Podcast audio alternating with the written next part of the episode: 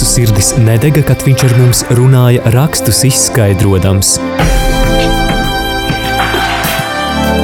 Ceļš uz zem mausu. Lauzīsim kopā Dieva vārda maizi, iedziļinoties dažādos bibliskos tematos.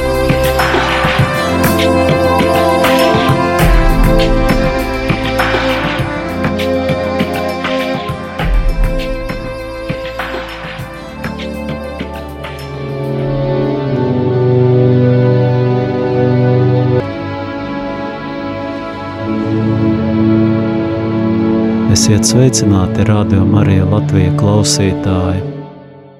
Kopā ar jums ir raidījums Ceļš uz Emausu un es diakons Gatis Avotiņš.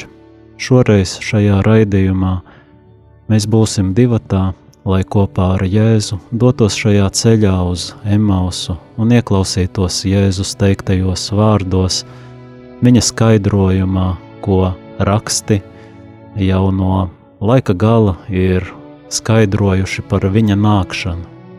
Un īpaši šajā adventa laikā mums varbūt tas ir īpaši aktuāli, lai no jauna spētu atklāt Jēzus klātbūtni mūsu dzīvēs, to, ka jau kopš vecās derības laikiem ir paredzēta viņa nākšana un tika gaidīta, lai arī nevienmēr un nedaudz Netik daudz cilvēku spēja to atpazīt.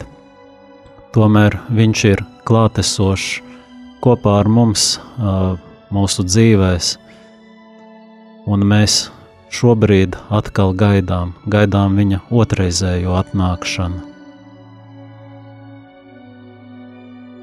Lai piedalītos šajā raidījumā, es aicinu arī tevi, klausītāji, rakstīt uh, īziņu uz uh, studiju. Pa tālruni 266 77 272 vai uz e-pastu studija et rml.lv. Un lai arī šis raidījums ir tiek veikts ierakstā,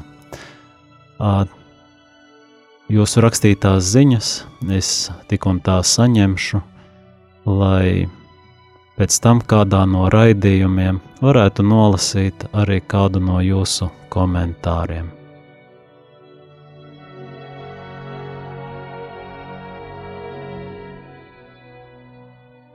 Pēdējā raidījumā mēs lasījām skaitļu grāmatu, jeb mūzus ceturto grāmatu, un lasījām par to, kā Izraēla Izrēļi atgriezās no kaujas ar midjāniešiem, kā viņi veica dažādus šķīstīšanās rituālus, kā tika sadalīta zeme.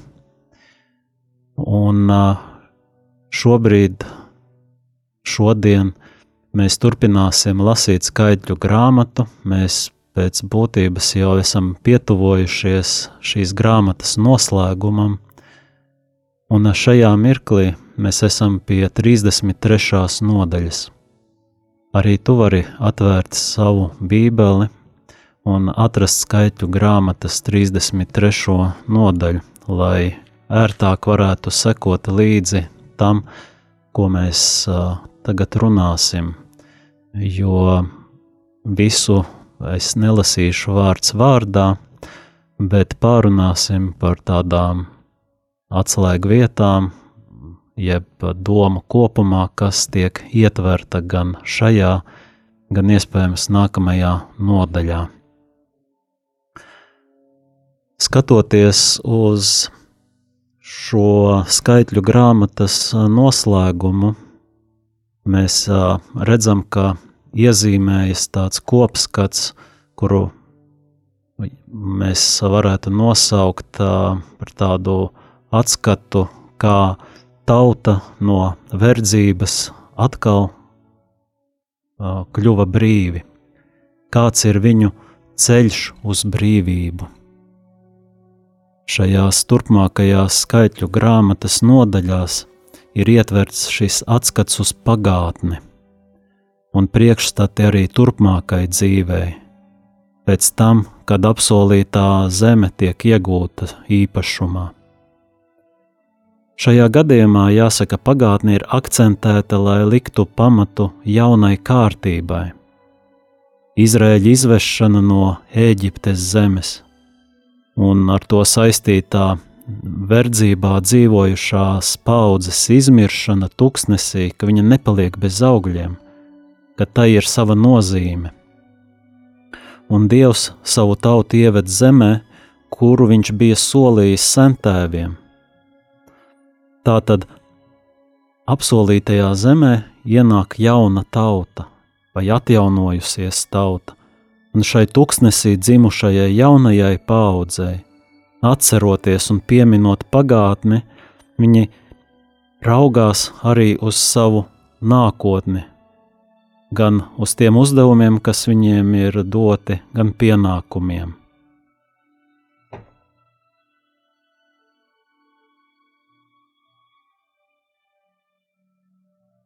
Atceroties arī šos dieva darbību pagātnē, tauta var labāk sagatavoties šiem nākotnes izaicinājumiem. Un skaidru grāmatas 33.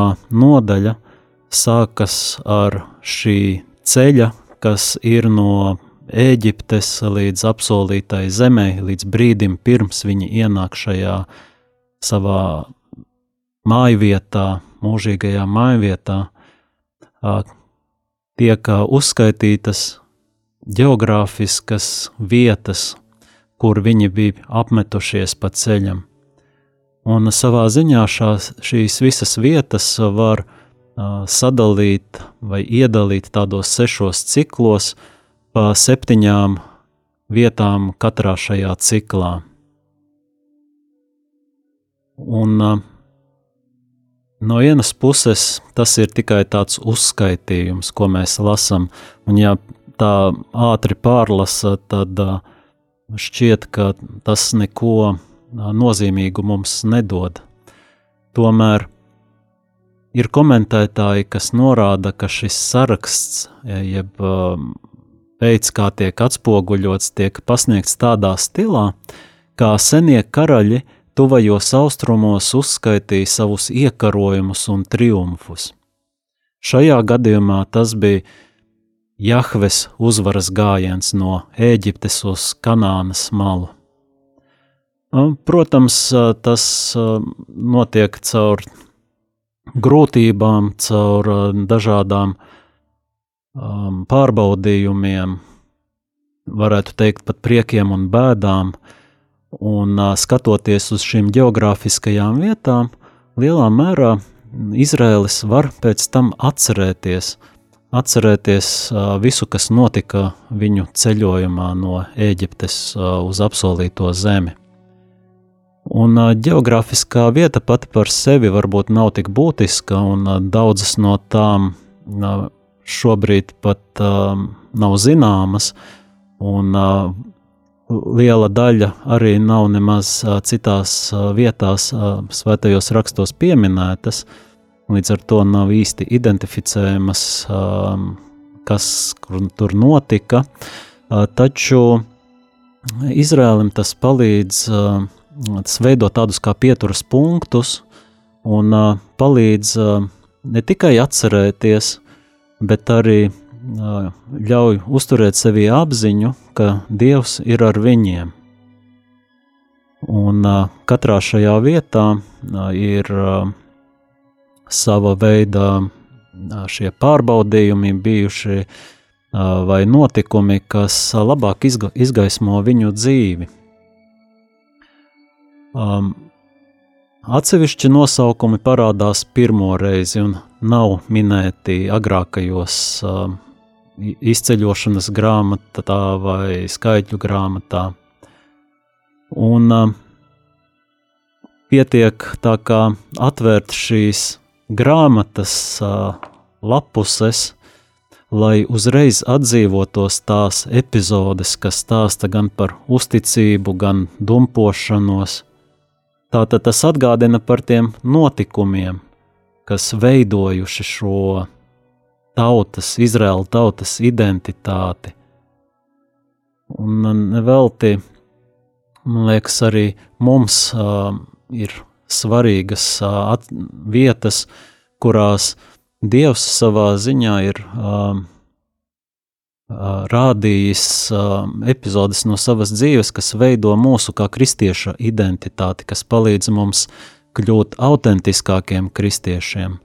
Pieņemsim, ja mēs paņemtu kaut vai rožu kroņa noslēpumus vai krustaceļa noslēpumus, kas garīgā veidā ir tādi pieturpunkti, pieturu vietas, caur kurām mēs labāk iepazīstam Dievu, gan atceroties ši, šos notikumus Jēzus dzīvē, gan saskatot tajā mūsu šos nākotnes uzdevumus un savas, savu attiecību ar Dievu uzlabošanas iespējas.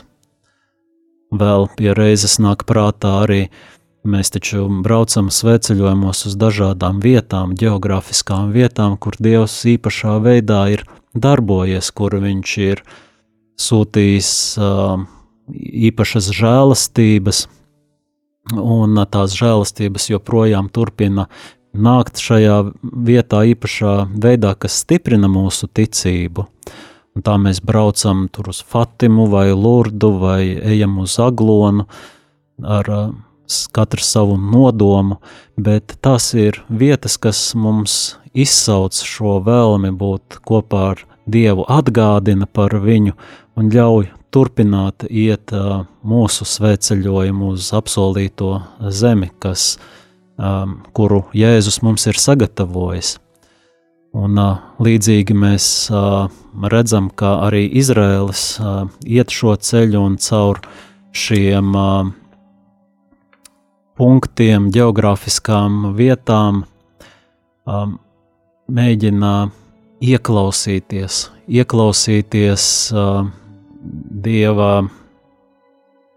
uh, dieva teiktajā, dieva uzrunā, uh, dieva aicinājumā.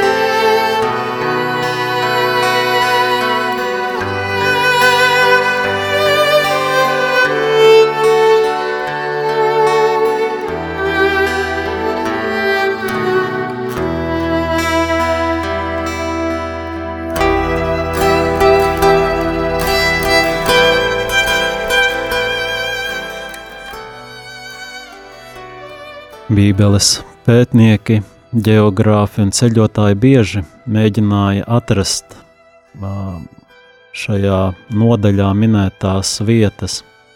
Daudzi nosaukumi ir identificēti, citi ar vienu vēl noslēpumā. Lielais attālums starp šīm geogrāfiskajām vietām rosina domāt, ka runa ir par vietām, kas atradās uz dažādām ceļinieku tapām, kuras takām, kas uh, ved cauri tūkstnesim. Tas nozīmētu, ka bijis nevis viens ceļš šajā izceļošanā, bet vairākas un vienlaikus gājušas atsevišķas grupas. Bet ir kuri pieļauj domu, ka šis plašais apdzīvoto vietu uzskaitījums saistīts ar kādu uh, kādiem vēlākiem sveceļojumu maršrutiem, bet nu, šīs ir tikai hipotēzes un minējumi. Jo 33.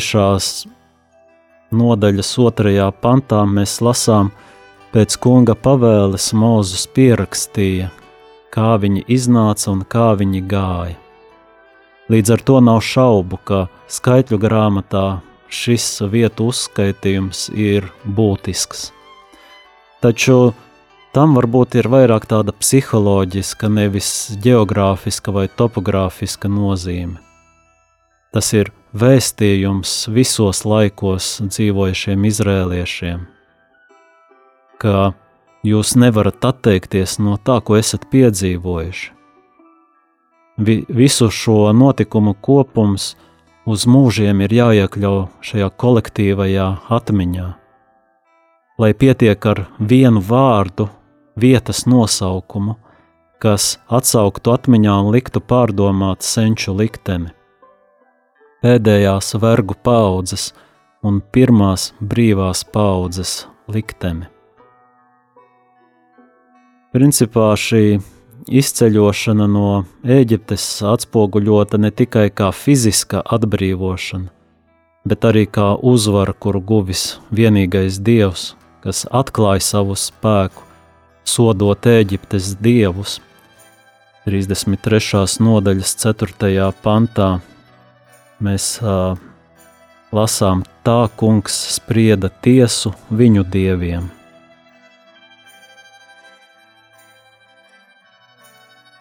Vieto nosaukumu uzskaitījums sākas pie Ramzesas un Nīlas pieminēšanas un beidzas ar apmešanos Moaba klajumos pie Jordānas.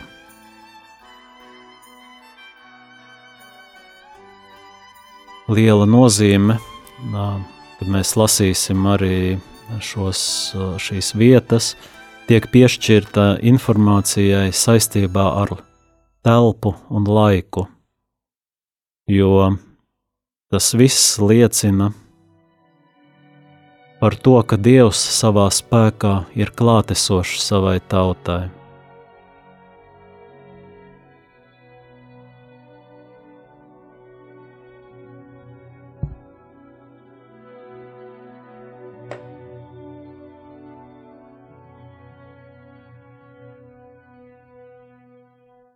lasot uh, 33. nodaļu, no 5. panta mēs lasām, ka Izraēla dēli devās ceļā no Ramzesas un apmetās Sukotā.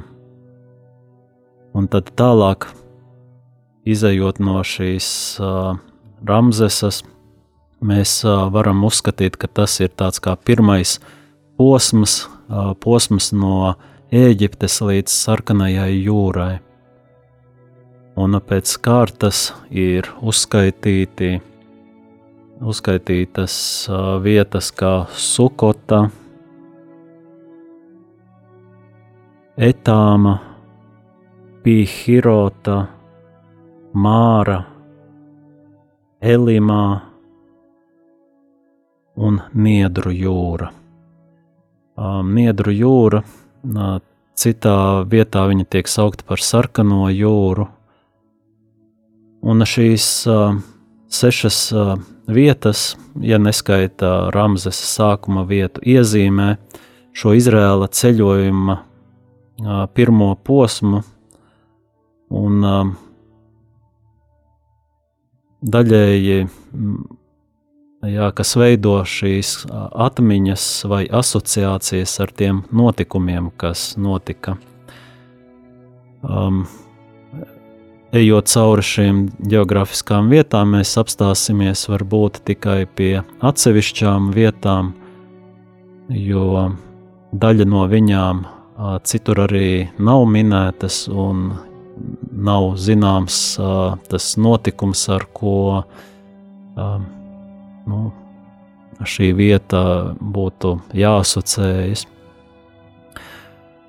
Bet pirmā tā tad ir uh, sukota, uh, tā, tas ir brīdis, pirmā apstāšanās vieta, izējot no Ēģiptes. Um, principā uh,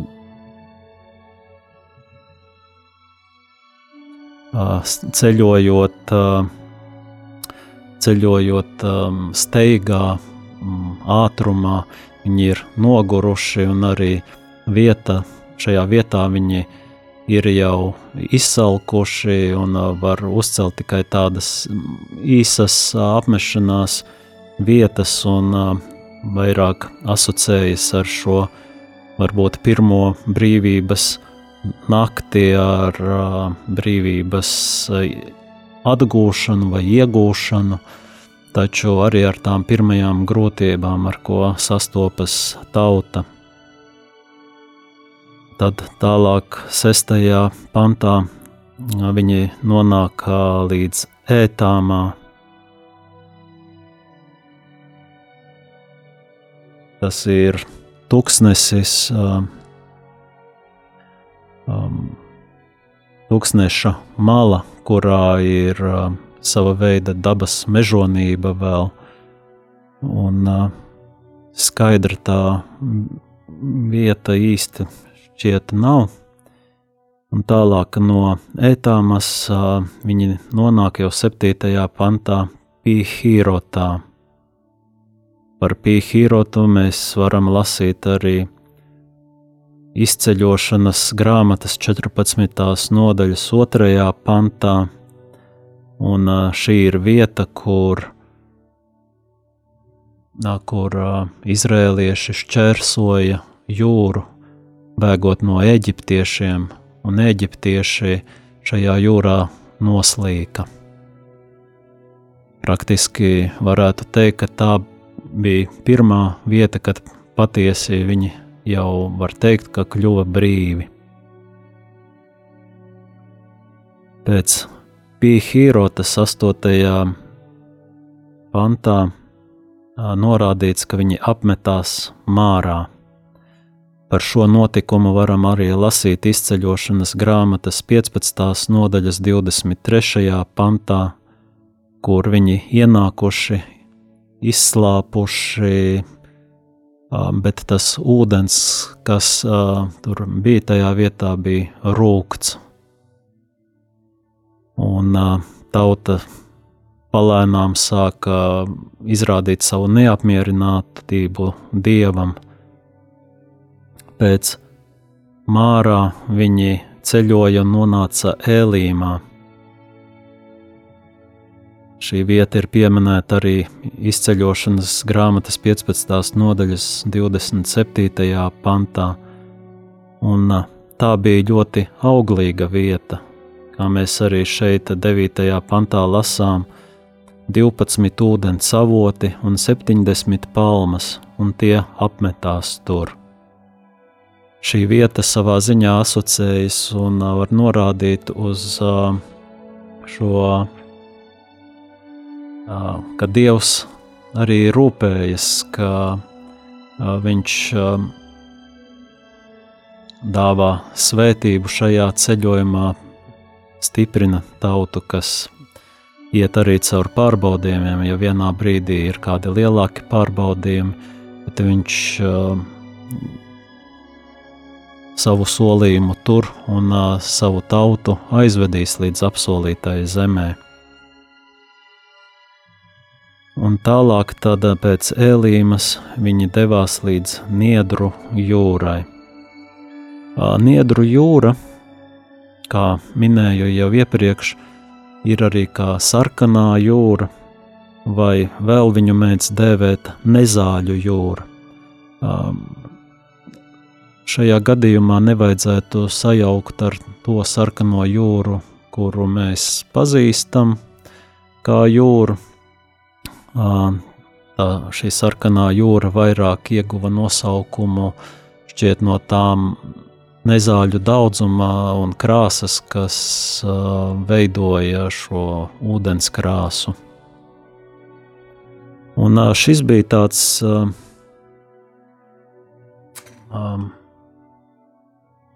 šāds pirmais uh, posms, uh, Un uh, otrais posms mums sākas no 11. 11. Uh, panta līdz 17. kad viņi iet no Sīnas tūkstneša līdz Hazerotai. Tā tad uh, Sīna tūkstnesis ir kā tāda mm, robeža, kur mainās tā tie apstākļi aizvien vairāk attālinoties, vairāk dodoties ceļā, un kas iezīmējas īpaši ar tādu vairāk izdzīvošanu, ar badu, ar to, ka vairāk izpaužās tautas neapmierinātība, pārdzīvojumi par to, ka Dievs ir izvedis viņus tuksnesī, lai viņi tur nomirtu. Tādas bailes parādās, un uh, Dievs uh, caur šo neapmierinātību, parādot arī savas rūpes, uh, viņš uh, dāvā mannu, mannu un arī uh, atsevišķās reizēs šīs paipalas, ar ko tauta tika pabarota visu principā ceļojuma laiku.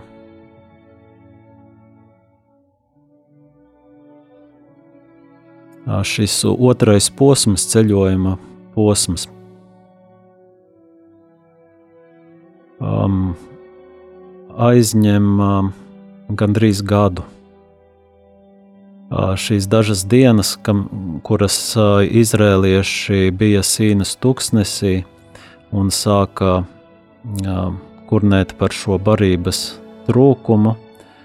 Um, bija tikai, tāds, bija tikai tāda īsa ep, apstāšanās epizode, taču deva stimulu caur šo dieva dāvāto pārtiku, uzturu, uh, nepalikt uz vietas un doties tālāk.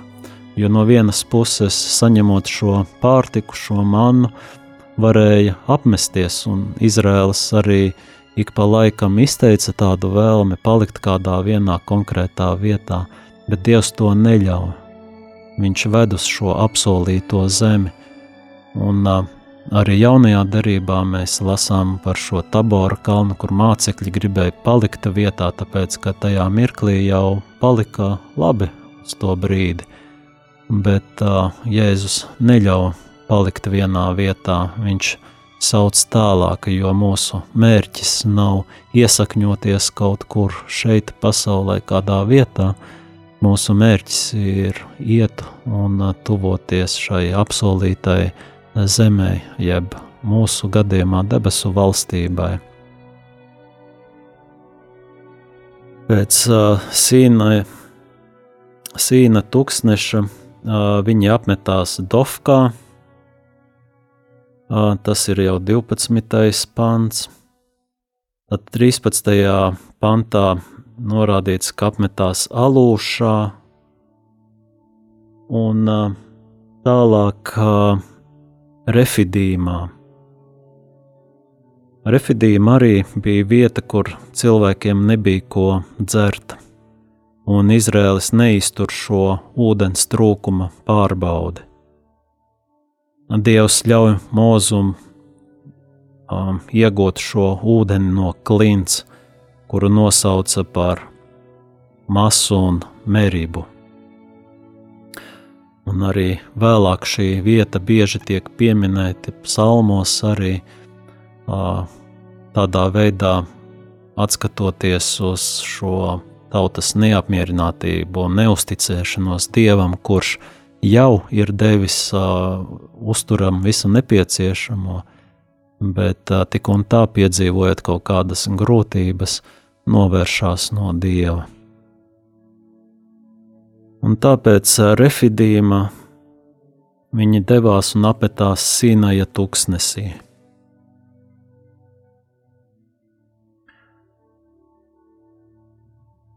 Um, konkrēta vieta um, nav zināma, kurā vietā Sīnaja tuksnesī.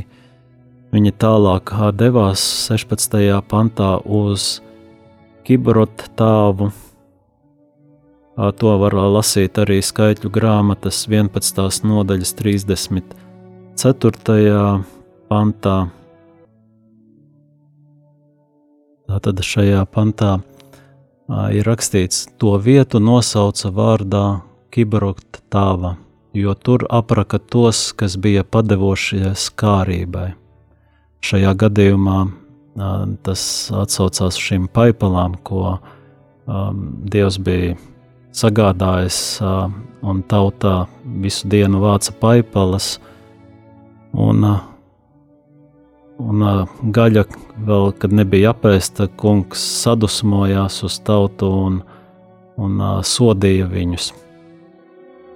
Tā tad šī vieta arī ir ļoti nozīmīga lai atcerētos šo kurnēšanu un to, ka Dievs sodīja par šo neist, neusticību.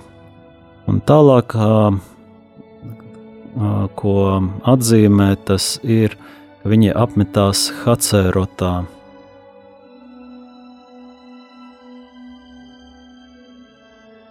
Šis būtu tas, jā, Hacerot arī ir skaitļu grāmatas 11. nodaļas 31. 35. pantā pieminēta.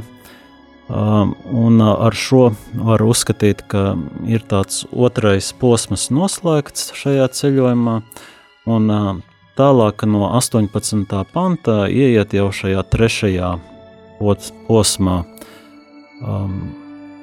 Tas sanāk, ka no Hacerotas viņi deva, dodas uz ritmā, un šis trešais posms būtu no ritmā līdz Haradā. Tā tad ar šo vietu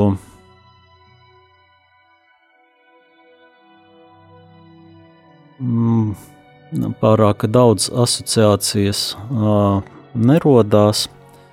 Um, Tātad, lasot pēc kārtas, viņi no sākuma dodas uz ritmā, pēc tam uz Rimona PCRā, kas ir, ko varētu tulkot kā granātābola pludmale.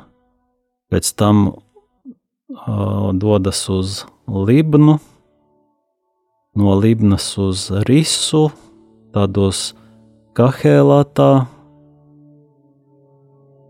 pēc tam uz Šefera kalnu un Harādu. Pēc būtības šajā, šajā posmā tiem, kas ir uzskaitīti, var teikt, ir pieminēta tikai šī, šis sākuma posms, ritmā, kas ir šīs pašas skaitļu grāmatas 12. nodaļas 16. pantā. Un, tur ir rakstīts, pēc tam tauta aizgāja no Hacerotas un apmetās Parānas tuksnesī. Tā ir šī uh, ritmā, kas ir pieminēta 18. pantā. Nākamais, ceturtais posms, kas uh, sākas jau no Makhēlotā un uh, arī šīs septiņas vietas, kas iezīmē šo ceļojumu, ir uh, Tahatā, Terahā, Mitkā, Hašmonā, Mosērotā. Mosērotā ir pieminēta arī atkārtotā likuma grāmatā, desmitās nodaļas sestajā pantā, kā vieta, kur apglabā Āronu. Un šis posms noslēdzas ar Bnēja kanā.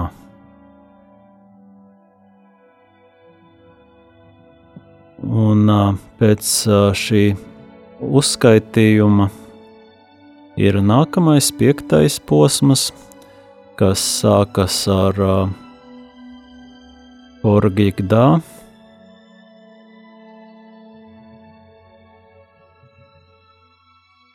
Un pieta, piektais posms um, ir um, vairāk jau pieminēts arī citās um, vecās derības grāmatās. Um, Tātad šīs vietas ir Jotbāta, tas ir atkārtotā likuma grāmata, desmitās nodaļas septītajā pantā. Um, nākamā ir um, Abrona, Eciona Gebera, kas ir minēta atkārtotā likuma grāmatas otrās nodaļas astotajā pantā, cīna, tūkstnesis, jeb kadēša. Tad uh, Hora kalns, un uh, Hora kalnā notiek šis uh, uh, arī epizode, kas īpaši tiek pieminēta šajā 33. nodaļā, ir priestera Ārona nāve. Šī nāve jau bija paredzama, un um, viņš jau zināja, Mozus jau iepriekš to bija jau pateica, ka būs jāmirst, un viņš uzkāpa šajā kalnā, kur um, Dievs bija pavēlējis uh, viņam mirt.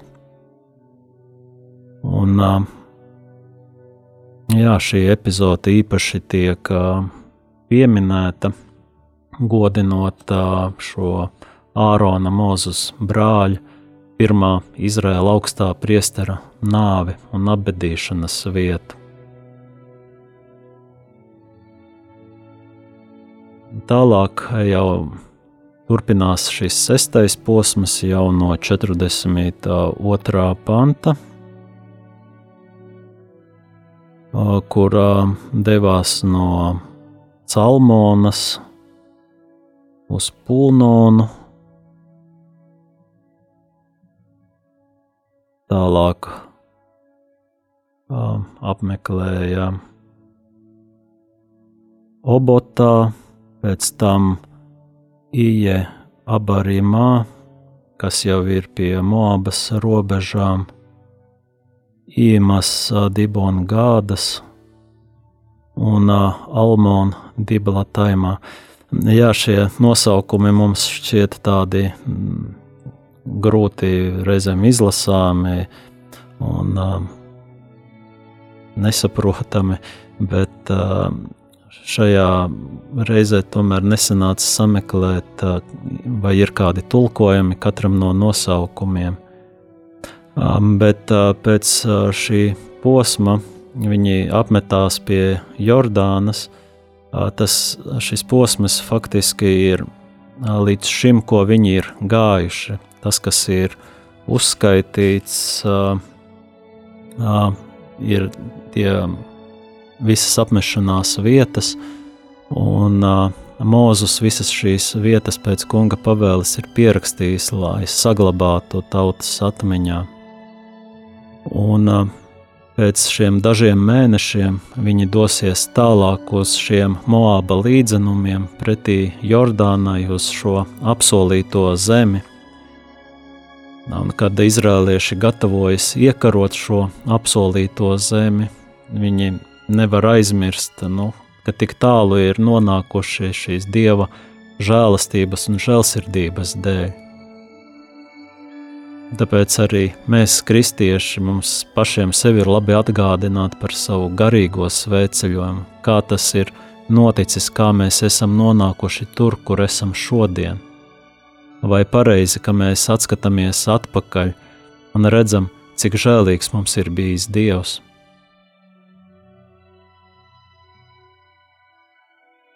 apkopojot šo maršruta sarakstu, var izdarīt arī tādus nelielus secinājumus par šo ceļojumu.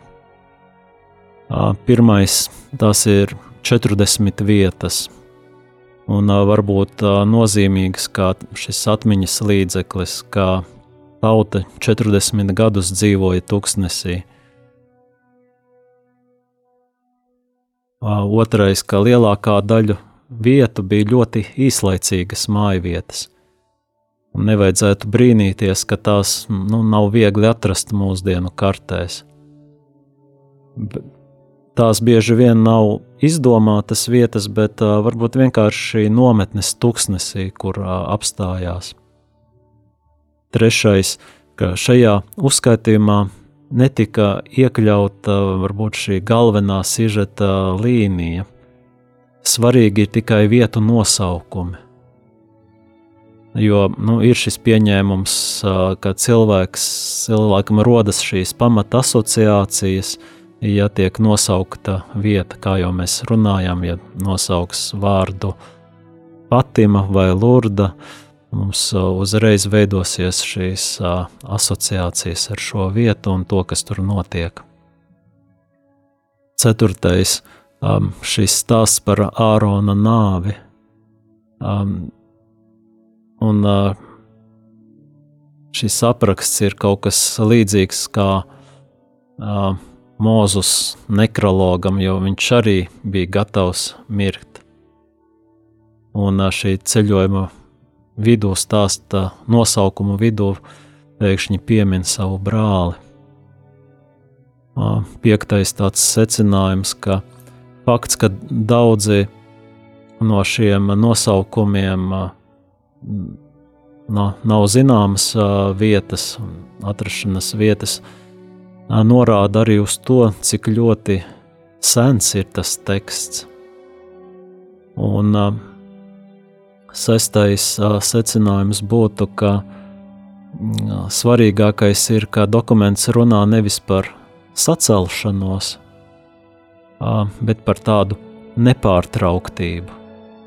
Ja kāds ja lasa tikai šo vietu nosaukumu sarakstu, varētu secināt, ka Izraels uzticīgi gāja no vienas vietas uz otru, kārtīgi virzoties no Ēģiptes uz Moābu. Tās būtība, ka jaunā paudze kļuva par vecās paudzes aizstājēju. Tas ir tā, it kā pirmās paudzes nebūtu bijis. Tauta, kas ierodas Moābā, ir uzskatīta par to pašu tautu, kas izgāja no Ēģiptes. Un, jā, Dieva plāns un mērķis tiek īstenots – neskatoties uz veselas paudzes zaudējumu. Un tad jau no 33. nodaļas 50. panta ir tāds uh, uh, skats nākotnē. Tie ir norādījumi par uh, šīs Kanānas zemes ieņemšanu, pavēle iekarot Kanānas iedzīvotājus. 50. 52. Pantā lasām, tad padzeniet savā priekšā visus tās zemes iemītniekus un izdeldējiet visus viņu kaltos tēlus un izlietos tēlus, un izdeldējiet un nopostiet visas viņu augstienes. Tā tad Dievs dod pavēli izcīt visus iedzīvotājus, um, un uh, šī spēcīgā valoda, pavēle izteikta ar četriem šiem ebreju darbības vārdiem - padzīt, iznīcināt, nojaukt. Tas tā kā norāda uz šo dieva pavēli neko neatstāt no kanāniešu kultūras, kas varētu veicināt šo elgdievību un netikumību. Um, jāatzīmē, ka no vienas puses var šķist, ka tas ir ļoti uh, nežēlīga pavēle, uh, un uh, taču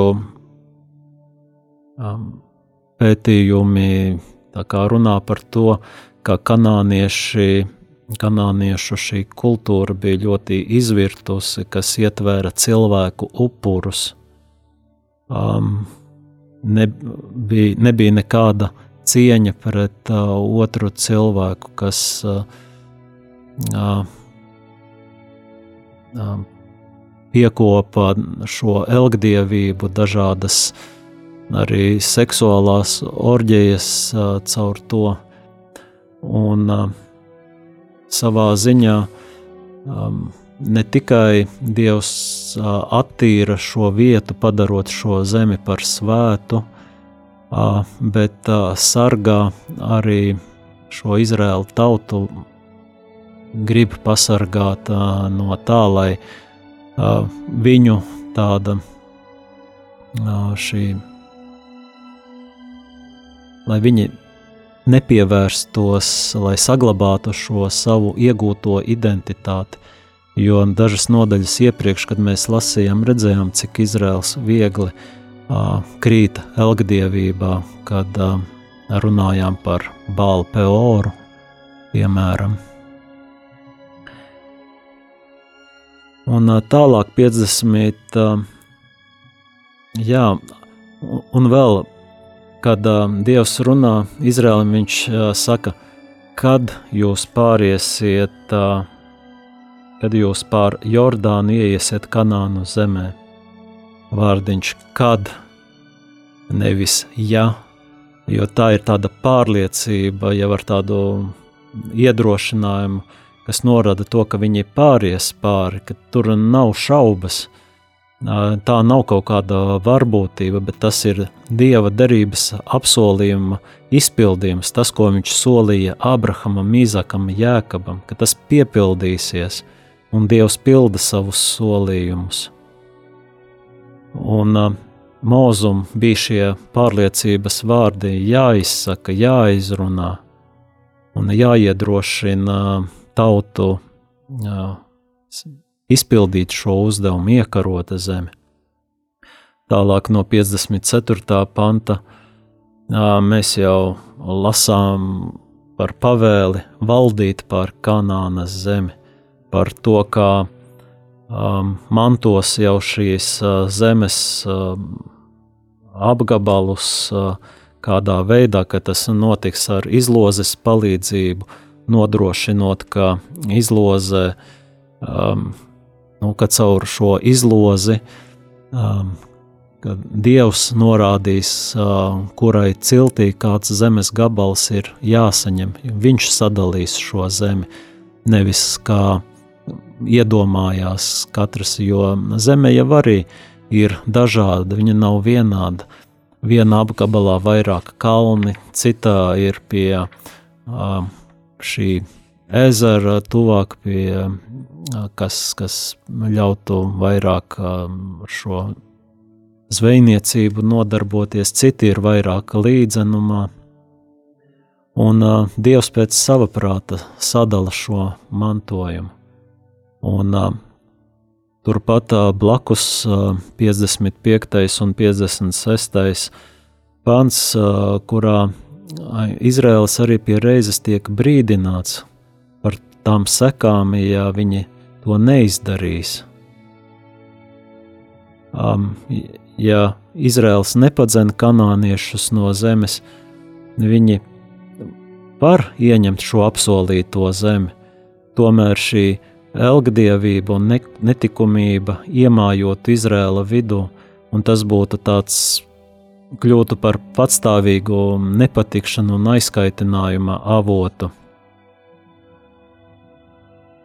Un galu galā, ja tas tā notiktu, tad beigās ar Izrēlu notiks tas pats, kas šajā brīdī notiktu ar kanāniešiem.